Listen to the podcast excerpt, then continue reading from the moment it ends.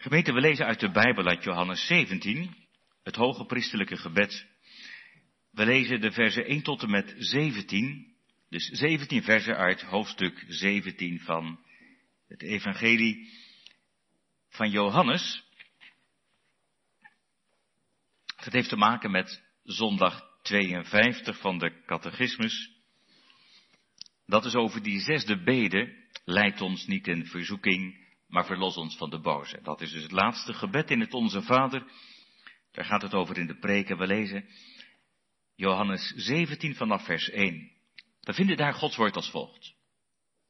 Dit sprak Jezus. En hij sloeg zijn ogen op naar de hemel. En zei, Vader, het uur is gekomen, verheerlijk uw zoon, opdat ook uw zoon u verheerlijkt zoals u hem macht gegeven hebt over alle vlees, opdat hij eeuwig leven geeft aan allen die u hem gegeven hebt. En dit is het eeuwige leven dat zij u kennen, de enige waarachtige God, en Jezus Christus, die u gezonden hebt. Ik heb u verheerlijkt op de aarde. Ik heb het werk volbracht wat u mij gegeven hebt om te doen. En u verheerlijkt mij, uw Vader, bij uzelf met de heerlijkheid die ik bij u bezat voordat de wereld er was. Ik heb uw naam geopenbaard aan de mensen die u me uit de wereld gegeven hebt.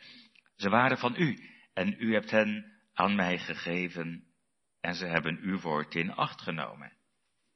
Nu hebben zij erkend dat alles wat u mij gegeven hebt bij u vandaan komt.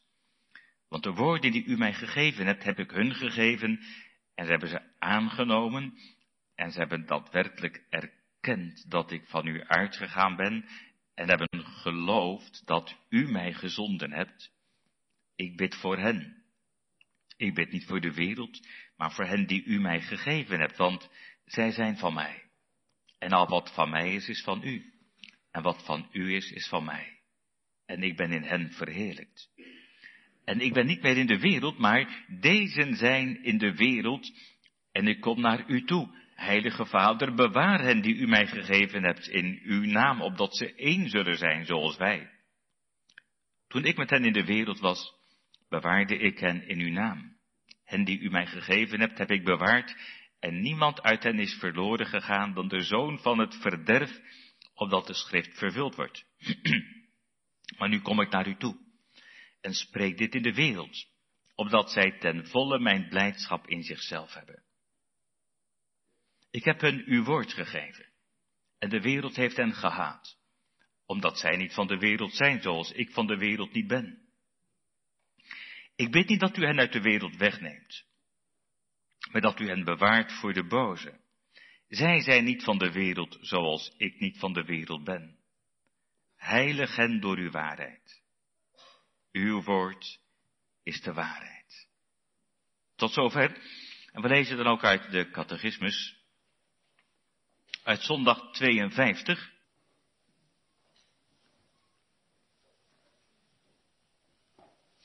Ik zal die zondag op zich helemaal lezen, al gaat het in de preek toch heel sterk over die zesde bede. En ik denk dat ik over dat laatste stukje nog een keer afzonderlijk wil preken. Maar we lezen het als volgt, vraag aan antwoord 127, wat is de zesde bede? En het antwoord luidt, leid ons niet in verzoeking, maar verlos ons van de boze. Dat wil zeggen, omdat wij uit onszelf zo zwak zijn dat wij geen ogenblik staande zouden kunnen blijven, en omdat bovendien onze doodsvijanden, de duivel, de wereld en ons eigen vlees niet ophouden ons aan te vechten, wil ons toch door de kracht van uw Heilige Geest overeind houden en sterken, opdat wij in deze geestelijke strijd niet bezwijken, maar altijd krachtig weerstand bieden totdat we uiteindelijk volkomen de overhand krijgen. Hoe besluit u uw gebed? Het antwoord luidt dan, van u is het koninkrijk en de kracht en de heerlijkheid tot in eeuwigheid. Dat wil zeggen, dit alles bidden we u, omdat u als onze koning, die de macht over alles bezit, zowel de wil als het vermogen hebt ons alle goeds te geven. En dit alles, opdat daardoor niet ons, maar uw heilige naam eeuwig lof wordt toegebracht. Wat betekent het woordje amen? Antwoord, Amen wil zeggen, het zal waar en zeker zijn. Want het is veel zekerder dat God mijn gebed verhoort, dan dat ik in mijn hart voel dat ik dit van Hem verlang.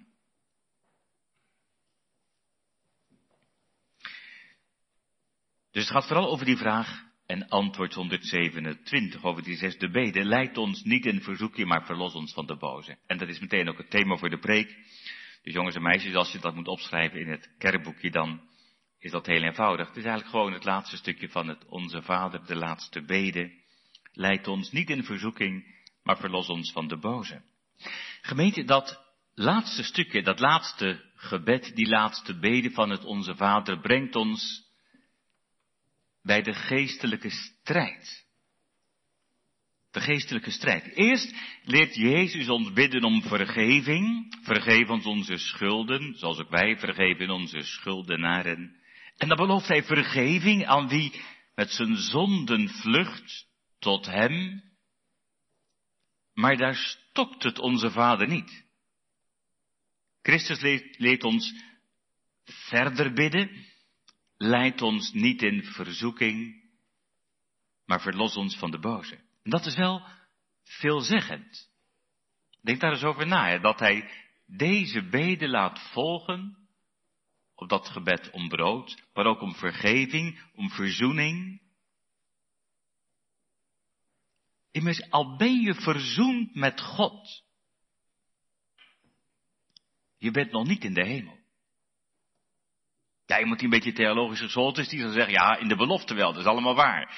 Maar, maar we leven nog hier op aarde, buiten het paradijs. Al ben je verzoend met God, je leeft nog midden in het oorlogsgebied. En dan, dan denken we nu niet aan die Russische inval in Oekraïne. Het gaat hier niet om een strijd zoals een aardse strijd, die nu wel akelig dichtbij komt. En wat zal er van komen? Wie zal het zeggen? Maar ook in een heel ander opzicht zijn we in oorlogsgebied. Wij leven buiten het paradijs in oorlogsgebied. Niet, niet een, een oorlogsgebied waar tanks en raketten en gevechtsvliegtuigen actief zijn. Maar het gaat over een geestelijke strijd met geestelijke vijanden. En jongens en meisjes, als je die vragen in je kerkboekje hebt, dan zie je het ook wel weer. En dan staat er welke, over welke strijd gaat het in de preek. Nou, dan zeg je de geestelijke strijd. En dan denk je misschien, wat is dat dan, geestelijke strijd? Nou, dat is de strijd tegen, tegen de duivel. Tegen de duivel, ja. En wat nog meer? Ja, de strijd misschien tegen, tegen allerlei verkeerde dingen. En er komt nog wel meer van in de preek. Maar dan gaat het niet over iets dat je moet vechten met je handen, of met een pistool, of met iets anders. Maar dan gaat het over een strijd die te maken heeft met het geloof. Met het leven met de Heer Jezus. En die vijanden zie je zo niet. In Oekraïne zien ze de Russen komen. En we kunnen zelfs op allerlei manieren dingen daarvan zien. Maar zo zichtbaar is die geestelijke vijand niet. Hij lijkt onzichtbaar, maar hij is er wel. En, soms merk je er misschien helemaal niks van. Je kunt zelfs zeggen, als je geen weerstand biedt, merk je er misschien wel helemaal niks van. Maar als je weerstand probeert te bieden, wordt die vijand actief. En daarom leert Christus ons bidden, leid ons niet in verzoeking, als het ware in een valstrik of een hinderlaag. Maar verlos ons van de boze. Nou, eerst iets over dat woordje verzoeking. Dat is trouwens weer een vraag in jullie boekje. Verzoeking. Wat is dat eigenlijk? Een verzoeking leidt ons niet in verzoeking. Ik heb wel eens geleerd, een, verzoeking die komt van de duivel. Wat de duivel probeert je ten val te brengen. In een hinderlaag te lokken, zeg maar. Dat als met die tanks al probeerde, of met soldaten. In een hinderlaag om je te pakken te nemen. Een, een, een verzoeking komt van de duivel die uiteindelijk wil dat je ten val komt. Dat je in zijn greep komt of blijft. Maar zeg, een beproeving komt van God. Zo heb ik het wel eens geleerd. Een beproeving is iets van God, dat je geloof wordt getest. Of het echt is. Je wordt beproefd, maar ook geoefend. Geoefend in de strijd. En dat betekenisverschil kennen wij in het Nederlands. Tussen een verzoeking en een beproeving. Maar in het Grieks is het precies hetzelfde woord. Dus in het Grieks kan het allebei betekenen. En in de praktijk is het ook niet zo makkelijk uit elkaar te houden. Ik denk bijvoorbeeld aan, Job. Dan zeggen wij, die is beproefd. Ja toch? Beproefd door God. En de Heere God die wilde hem natuurlijk niet te val brengen, maar hem oefenen louter, kun je heel veel van zeggen. Maar diezelfde Job werd tegelijkertijd door precies dezelfde gebeurtenissen ook verzocht door de duivel, die juist wel Job ten val wilde brengen. Met andere woorden, je kunt het niet altijd even makkelijk scheiden. Soms gaat het over dezelfde dingen die de duivel probeert ten kwade te gebruiken. Maar dat de Heer precies diezelfde dingen ten goede gebruikt. Soms ook om te oefenen, om te louteren, om te beproeven. Hoe dan ook, in het Onze Vader hebben de vertalers gekozen voor het woordje verzoeking. Leidt ons niet in verzoeking. Want we bidden niet dat we nooit door God beproefd zullen worden. Dat zou niet kunnen. Dat is hetzelfde als een soldaat die zegt dat hij niet geoefend wil worden. Dat kan natuurlijk niet. Een soldaat wordt geoefend. En ook een christen wordt geoefend. Daar kun je niet onderuit. Dat moet je ook niet willen. Al hoef je echt niet om problemen te vragen. Maar, maar, maar we bidden niet dat we nooit beproefd zullen worden.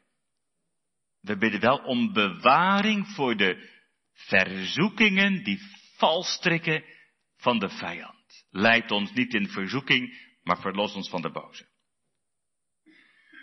Ik vond een hele mooie opmerking bij Cyprianus, een van de kerkvaders uit de vroege kerk. Die zegt dan, wij bidden niet dat we de strijd zullen ontlopen, maar dat we bescherming vinden in de strijd. Dat is heel mooi gezegd. dus we bidden niet dat we de strijd zullen ontlopen als deserteurs, maar dat we bescherming vinden in de strijd. Daar gaat het hier om. En die bescherming hebben we nodig. De catechisme zegt het heel eerlijk. Die vijanden zijn gevaarlijker dan je denkt. Ze worden genoemd onze doodsvijanden. Levensgevaarlijk. Meedogenloos. Uit op onze ondergang. Onze eeuwige dood. In de, Oekraïne, in de Oekraïne kunnen we nog zeggen, ja, die, die burgerslachtoffer, dat is, dat is niet bedoeld. Maar het gebeurt ondertussen wel. Maar de duivel bedoelt het wel degelijk. Een meedogenloze vijand. En als je denkt, nou, daar kan ik wel tegenop. Dan ben je net als een kind die denkt dat hij tegen een getrainde militaire commando wel op kan. Dat is dwaas, dat is zelfmoord. En daarom staat er eerlijk maar ontnuchterend dat we zo zwak zijn in onszelf, dat we geen ogenblik staande kunnen blijven. Met andere woorden, daar zijn we geen moment tegen opgewassen.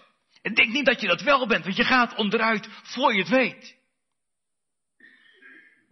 Maar dan zeggen wij wel eens, in het dagelijkse leven, wie niet sterk is, nou, wie niet sterk is, die moet slim zijn. Ja, wat heeft dit hiermee te maken?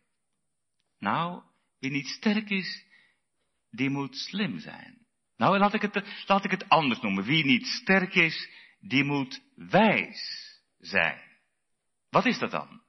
Als je weet dat je vijand zo meedogenloos en zo machtig is, wat is dan wijs? Wat is dan geestelijke wijsheid? Is het dan erkennen dat je zelf niks kunt en dan maar afwachten? Nee. Want wat ik niet kan, dat doet Jezus.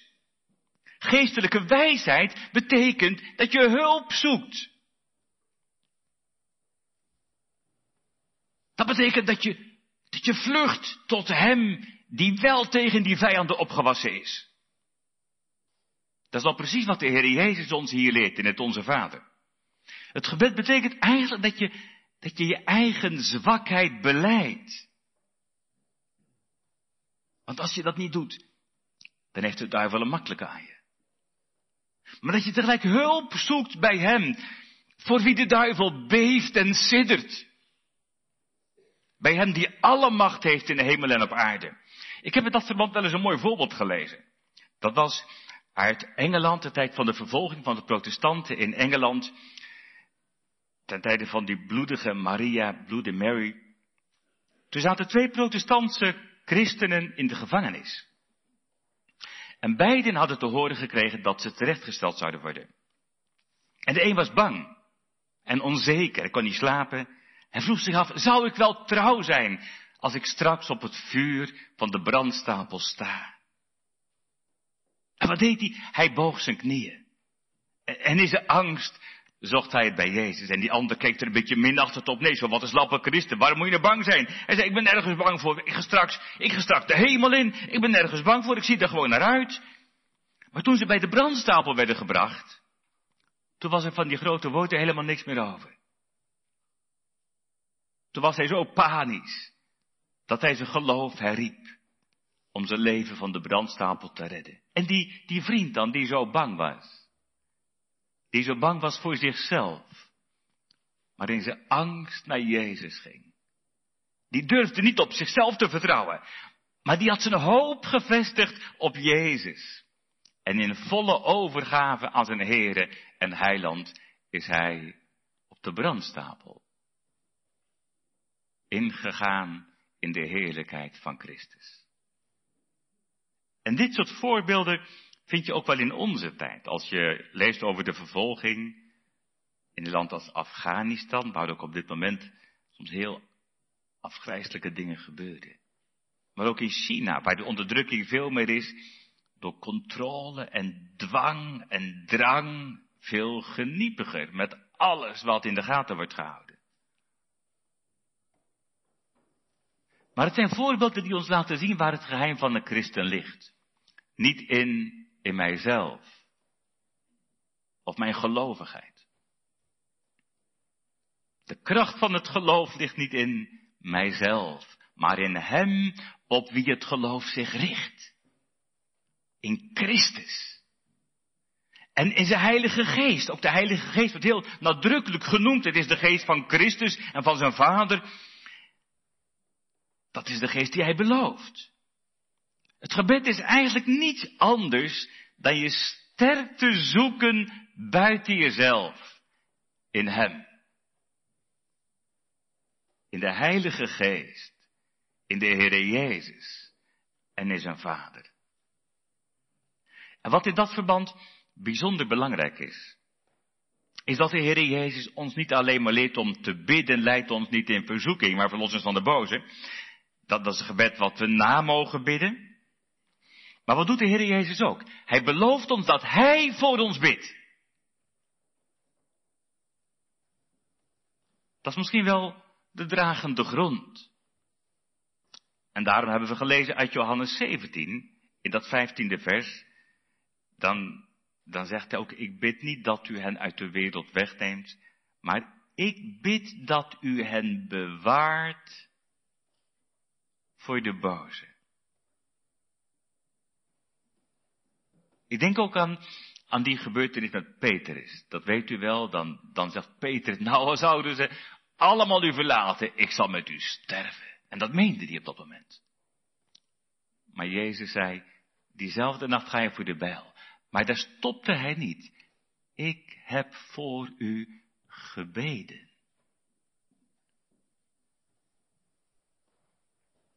En datzelfde komt dus terug in het hoge priesterlijke gebed. Johannes 17. Niet alleen voor Petrus, maar voor heel zijn wereldwijde kerk. Ik heb voor u gebeden. In de, in de hemel is de Heer Jezus onze voorspraak. Hij is daar aan het bidden. Voor wie? Nou, de Bijbel zegt in de Hebreeënbrief, voor allen die door hem tot God gaan. Wie door hem tot God gaat, die mag weten, hij bidt voor mij. En als je denkt, zou het voor mij zijn? Nou, dan zeg ik, dan moet je naar God gaan.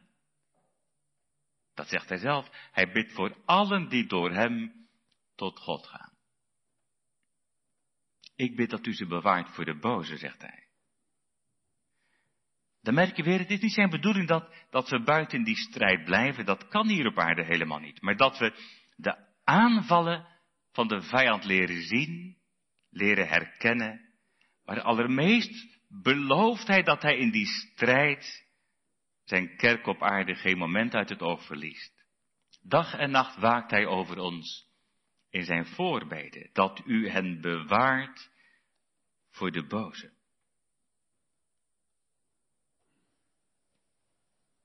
Ja, wie is dat eigenlijk? Dat u ze bewaart voor de boze. In het Onze Vader verlos ons van de boze. Wie is dat? Ja, zegt dat is de duivel natuurlijk. Dat is waar. Toch zijn er ook vertalingen die zeggen, bewaar ons voor het kwade. En dan denk je meer aan de zonde, of de zondige macht. En dat is ook waar. En dat kan dus allebei. Als je de kanttekeningen leest bij de Statenvertaling in het hoge priesterlijke gebed bij Johannes 17 vers 15, en dan gaat het over dat verlossen van de boze. En daar wordt opgemerkt, dat is de verleiding van de Satan, dus de duivel, maar ook de zonde, dus het kwade. En ook van de wereld. En als u een beetje hebt meegelezen met zondag 52, dan herkent u die drie vijanden, die doodsvijanden. Die drie vijanden, die, daar worden opgezond. Die doodsvijanden, de duivel staat er, de wereld en ons eigen vlees. Heb je ze in het vizier? Dat is van levensbelang. Een vijand die je niet ziet, is veel gevaarlijker dan een vijand die je ziet.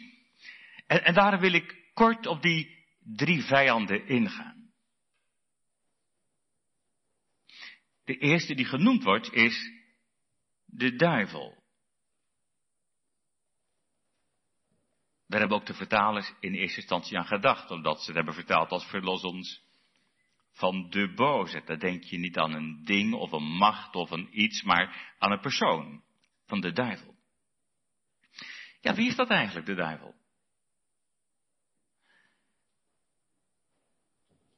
Is de duivel er altijd geweest? Nee, de duivel is geschapen, maar niet als een duivel. De duivel is eigenlijk een goede engel geweest. Er staat in de Bijbel van de duivel en de duivelen dat ze gezondigd hebben. Er is dus ook een zondeval geweest in de hemel. We weten dat dat zo geweest is, maar hoe precies, dat zou ik u niet kunnen vertellen. Als u wat teksten wilt, bijvoorbeeld 2 Petrus 2 vers 4, dan gaat het over engelen die hun oorspronkelijke staat niet hebben bewaard. In Judas vers 6. Maar ze zijn dus geschapen als goede engelen.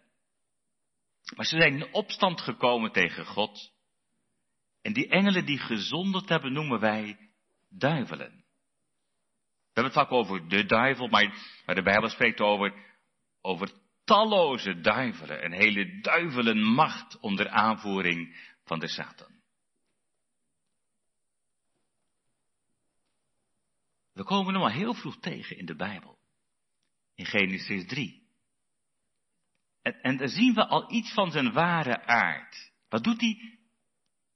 Twijfel zaaien. Wat doet hij? De goede bedoeling van God verdacht maken. Wat doet hij? Verleiden tot ongehoorzaamheid. En dat doet hij net alsof je gelukkig wordt. Door te zondigen tegen God. En wat is het resultaat? U weet het allemaal. De vrede met God wordt verstoord. Adam en Eva worden verdreven uit het paradijs. En de dood doet de intrede in de wereld. Daar is de duivel op uit. Daar wordt hij genoemd de mensenmoordenaar. Een leugenaar. De vader van de leugen. En de Bijbel zegt dat hij rondgaat als een brullende leeuw. Nou, dan zie je iets van dat vreselijk in oorlogsgebied te zeggen. Dat is nou precies wat de duivel wil alles kapot maken. Moord en verderf. Wel in een strafkamp in Noord-Korea. Maar doorgaans gaat de duivel veel onopvallender te werk. Iemand zei een keer, de duivel heeft al een paar duizend jaar ervaring. Daar kunnen wij niet tegenop met elkaar. En misschien is een van zijn makkelijkste tactieken wel dat hij mensen laat geloven dat hij niet bestaat. Als mensen denken het is maar een sprookje, een verzinsel. Of het is maar symboliek. Zo van de duivel is een symbool voor alles wat we zien aan kwaad. Alsof die niet bestaat als een actieve vijand. In de Korinthebrief wordt hij voorgesteld als een, als een, als een duivel dan die zich kan veranderen in een engel van het licht. Hoe moet je dat dan zien? De duivel als een engel van het licht. Dan, dan, dan lijkt het allemaal oké, dan lijkt het goed, dan lijkt het bijbels. In dat verband gaat het in de Korinthebrief ook over dwalingen in de gemeente. Dat kan op allerlei manieren, dat er wel wordt gepreekt over Jezus. Jezus die je wil helpen. Jezus die nabij is. Maar dat het kruis, dat het bloed van Christus niet centraal staat. Dan is de duivel tevreden. Of als er wordt gepreekt over geloven, ja we geloven allemaal. Maar zonder bekering. Dat vindt de duivel prima. Je herkent die activiteit van de duivel als bijbelse waarheden in twijfel worden getrokken.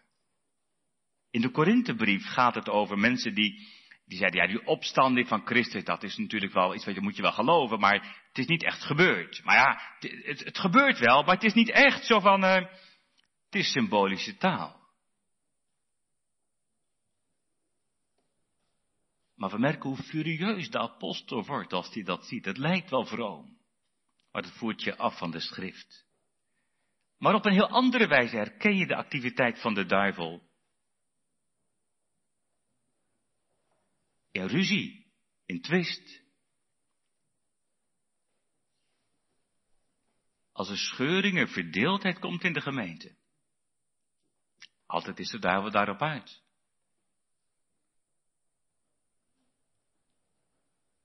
Je herkent de duivel als een influisteringen. Dat stemmetje wat je aanspoort, ja, misschien om te veel te drinken. Of dat stemmetje, heeft God dat echt gezegd? Dat stemmetje, dat zegt, dat, dat is toch niet meer van deze tijd. Dat stemmetje wat je aanspoort een zondige relatie aan te gaan, terwijl je weet dat het verkeerd is of vloekgedachten die zomaar bovenkomen. Of negatieve gedachten die je naar beneden trekken. Daar kun je soms moedeloos van worden. En dat is precies wat de duivel wil. Het lijkt wel of die heel getraind is in een ontmoedigingsstrijd. Dat hij je ontmoedigt. Dat je denkt, het is allemaal toch niks en het wordt allemaal niks. En dat je de moed verliest. Maar hier geeft Christus nieuwe moed. Wij kunnen tegen de duivel niet op. Maar hij heeft hem verslagen. En daar wil ik eerst met u iets daarvan laten zien. Van wat Christus heeft gedaan. Als het gaat over de duivel. Als het gaat over die vijand. Want hij heeft ermee te maken gehad. Wat dacht u? Misschien dat u denkt, ik word lastiggevallen door de duivel. Maar denk dan eens aan de Heer Jezus. Denk eens aan die verzoeking in de woestijn. Heel intens wordt hij verzocht.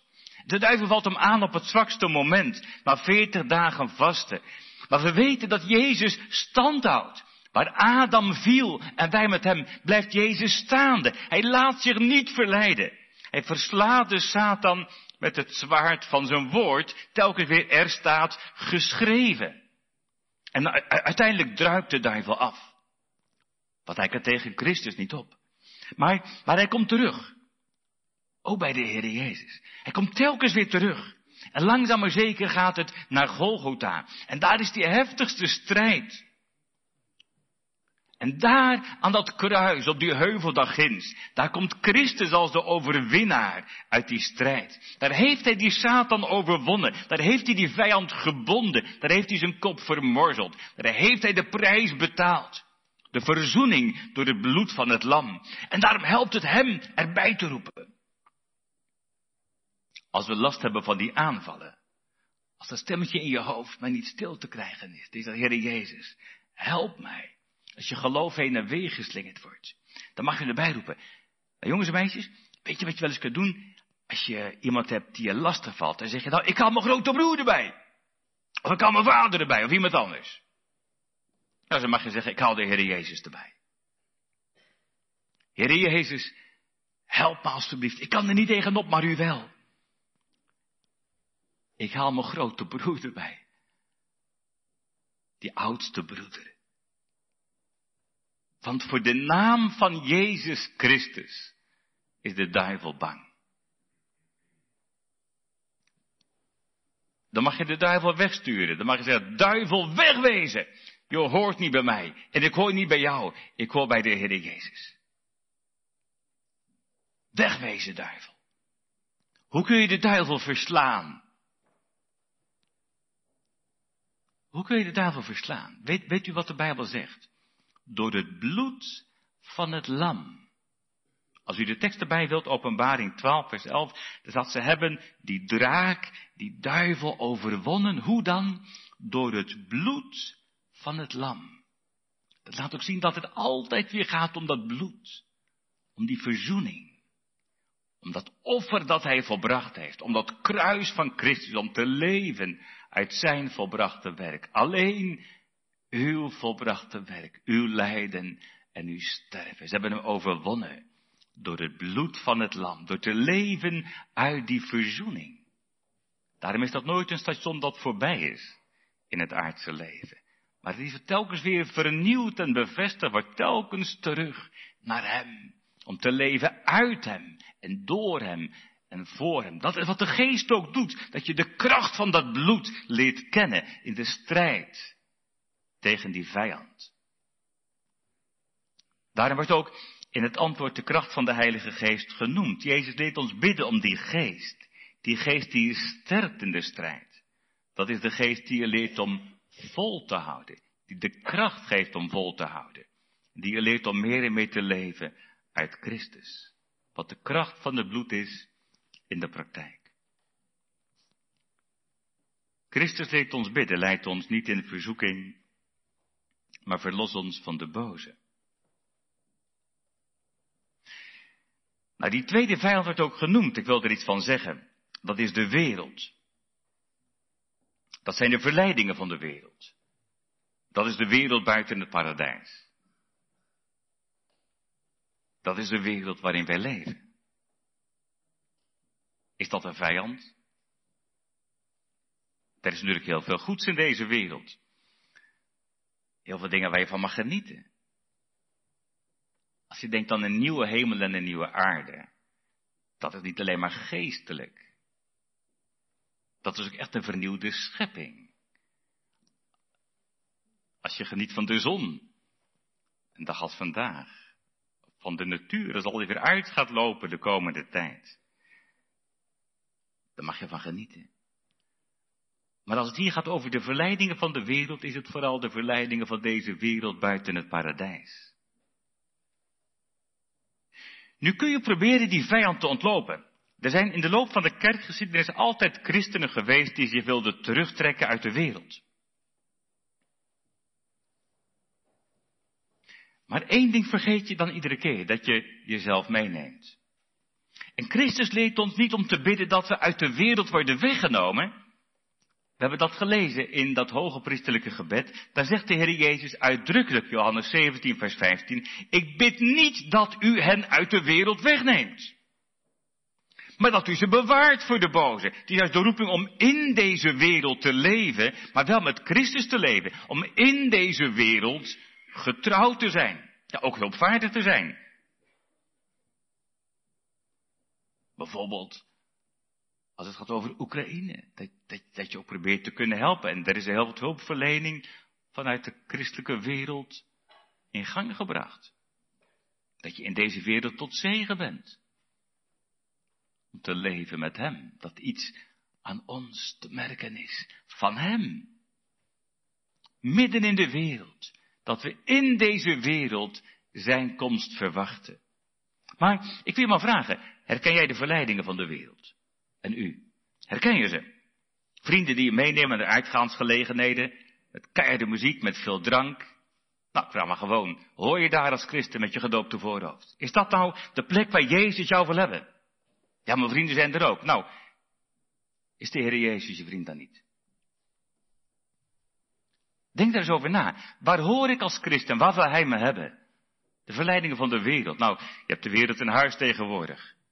Vroeger kon je zeggen televisie, die kon je nog uit de deur houden, maar al heb je geen televisie in huis, je, je krijgt tegenwoordig nog oneindig veel meer via je smartphone of je laptop of weet ik wat.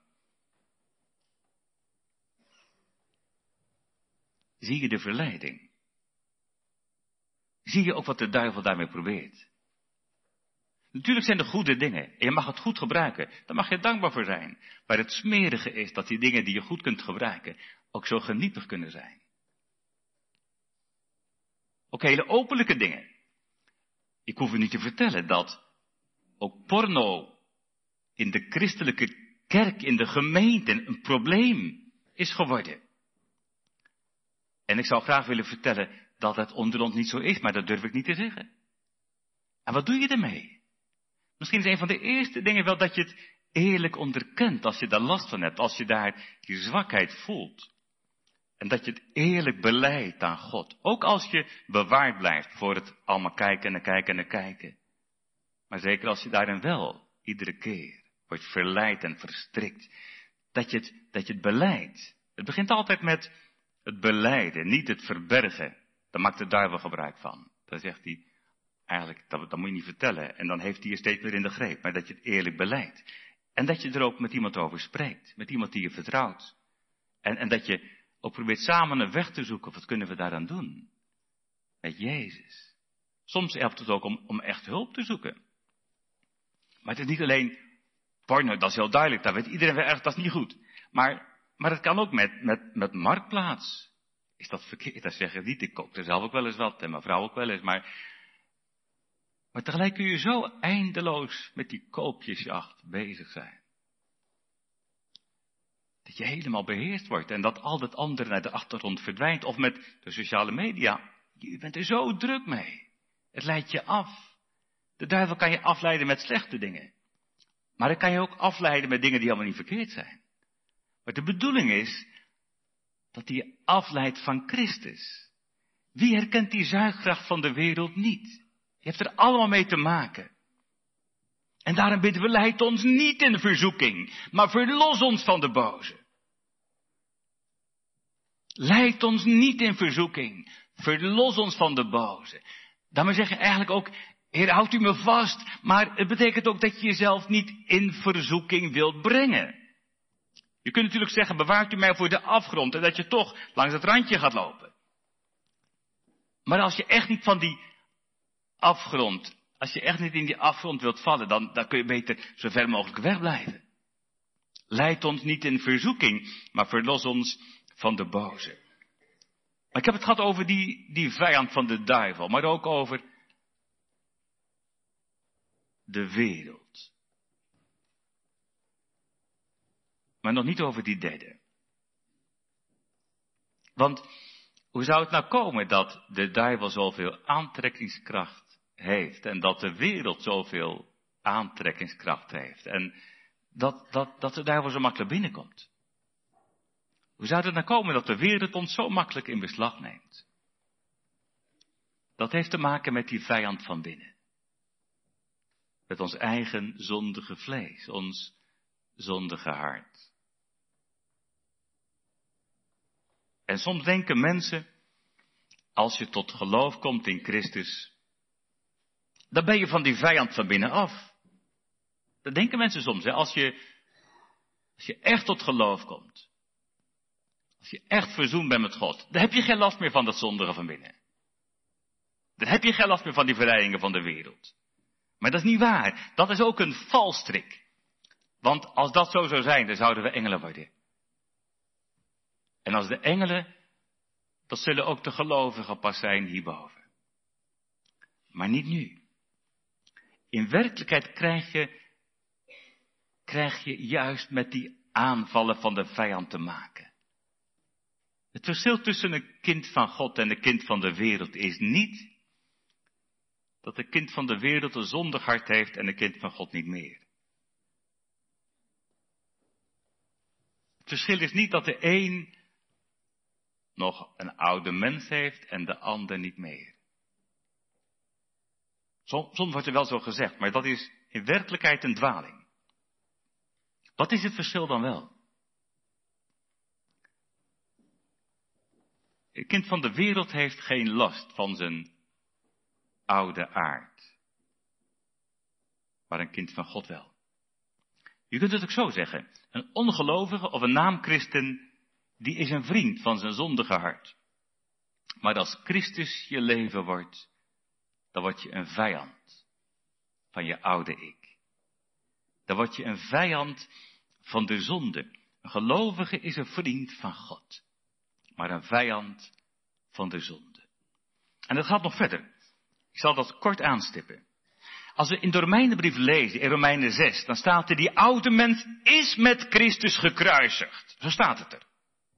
Ten diepste is die oude mens, je oude leven zonder Christus, al dood. Die oude mens is gekruisigd, is gestorven met Christus. Waar dan? Op Golgotha. Dat is de belofte van God voor iedereen die gelooft.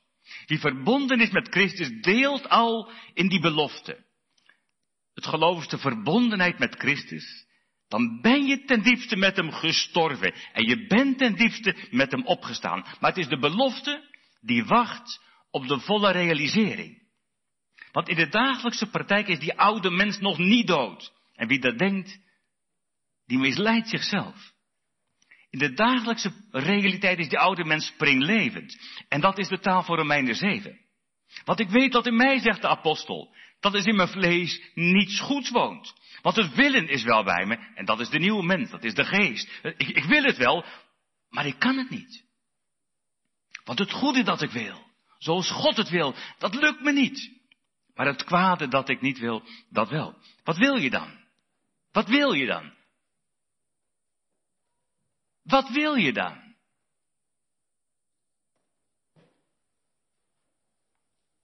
Als je leeft met Christus kun je toch maar één ding zeggen. Ik wil Hem lief hebben. Ik wil Hem dienen, want Hij is het waard. Ik wil mijn naaste lief hebben als mezelf. Het goede wat God wil. Ik wil het net als de engelen. Ik wil het volmaakt zoals God het bedoeld heeft. Maar dat lukt me niet zoals het zou moeten. En soms lukt het ook concreet de zonde te overwinnen. Maar met die zonde is het als met onkruid. Het komt telkens weer naar boven. Je zou er moedeloos van worden. Ik, ellendig mens, wie zal me verlossen uit het lichaam van deze dood? Romeinen 7, vers 24. Maar daar eindigt het niet. Dan gaat het verder. Dan blijft hij niet steken in het zicht op zichzelf.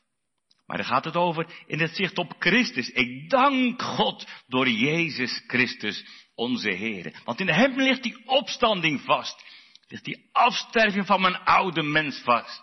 En het leven met hem, want Christus is mijn heil. Hij is mijn hulp. Hij is mijn sterkte. Hij is mijn lied. Hij is mijn psalmgezang. Hij is het die mijn heil bewerkte. Hij heeft die doodsvijanden verslagen. Dat heeft hij al gedaan. Al gaat de duivel nog rond. Dat heeft hij al gedaan. Ik kan er niet tegenop, maar hij wel. En in mijn zwakheid mag ik me sterken in hem. En ziende op hem smeek ik om die geest die hij belooft te geven en die hij geeft. Om door die geest versterkt te worden, door de kracht van zijn geest te strijden tegen die zondige verlangens in mijn hart.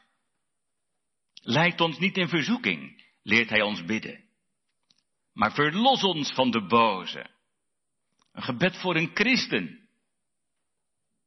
Ja, dat is geen gebed voor een niet-christen, nee, een gebed voor een christen. Hij leert het zijn discipelen. U, die hem lief hebt. Een gebed om hulp in de geestelijke strijd. Een gebed vol verwachting. Want dat is het mooiste. Want het gebed draagt de belofte van de overwinning in zich mee. Het is niet een gebed als een misschien. Het is een gebed waarin de verhoring wordt gegarandeerd. En daarom eindigt het onze Vader met die machtige lofprijzing. Die ons oog en ons hart richt op Hem. Want van U is het koninkrijk. Nee, niet straks, maar nu al. Van u is het koninkrijk en de kracht nu al. En de heerlijkheid tot in eeuwigheid. Wat niet de duivel, maar Christus regeert. Wat een bemoediging. Dat net is antwoord 128. Hij is onze koning. Hij heeft alle macht over alle dingen. Hij heeft niet alleen de wil, maar ook het vermogen om ons alle goeds te geven. Psalm 68, hij kan en wil en zal in nood, zelfs bij het naderen van de dood, volkomen uitkomst geven. Dat is de roemtaal van Romeinen 8, naar Romeinen 6, Romeinen 7, Romeinen 8. In hem zijn we meer dan overwinnaars. Dat is nu al. Omdat het vast ligt in hem, door hem staat er, die ons heeft liefgehad. En, en zo loopt alles uit. Op de aanbidding en de lofprijzing van zijn heerlijke naam. Opdat, opdat daardoor niet wij, maar uw heilige naam even wordt geprezen. Zo staat het daar in 128. En dat begint hier beneden. Dat zijn heilige naam door ons wordt geprezen. Dat begint hier beneden. Je moet het hier op aarde leren. Maar het houdt nooit meer op. Dan kun je wel eens struikelen en vallen. En toch weer terug. Iedere keer terug naar Hem. Want bij Hem wordt je niet weggestuurd. Dat zou de duivel wel willen. Maar Hij zegt het zelf. Dat Hij waarachtig is en getrouw. Van hem kan het geloof niet te veel verwachten. Zou je hem niet prijzen en aanbidden? Hem aanroepen in een gebed dat overgaat in de lofprijzing. Dat begint beneden en het houdt nooit meer op. Ere zij de Vader, ere zij de Zoon, ere zij de Heilige Geest, van nu aan tot in de eeuwen der eeuwen. Amen.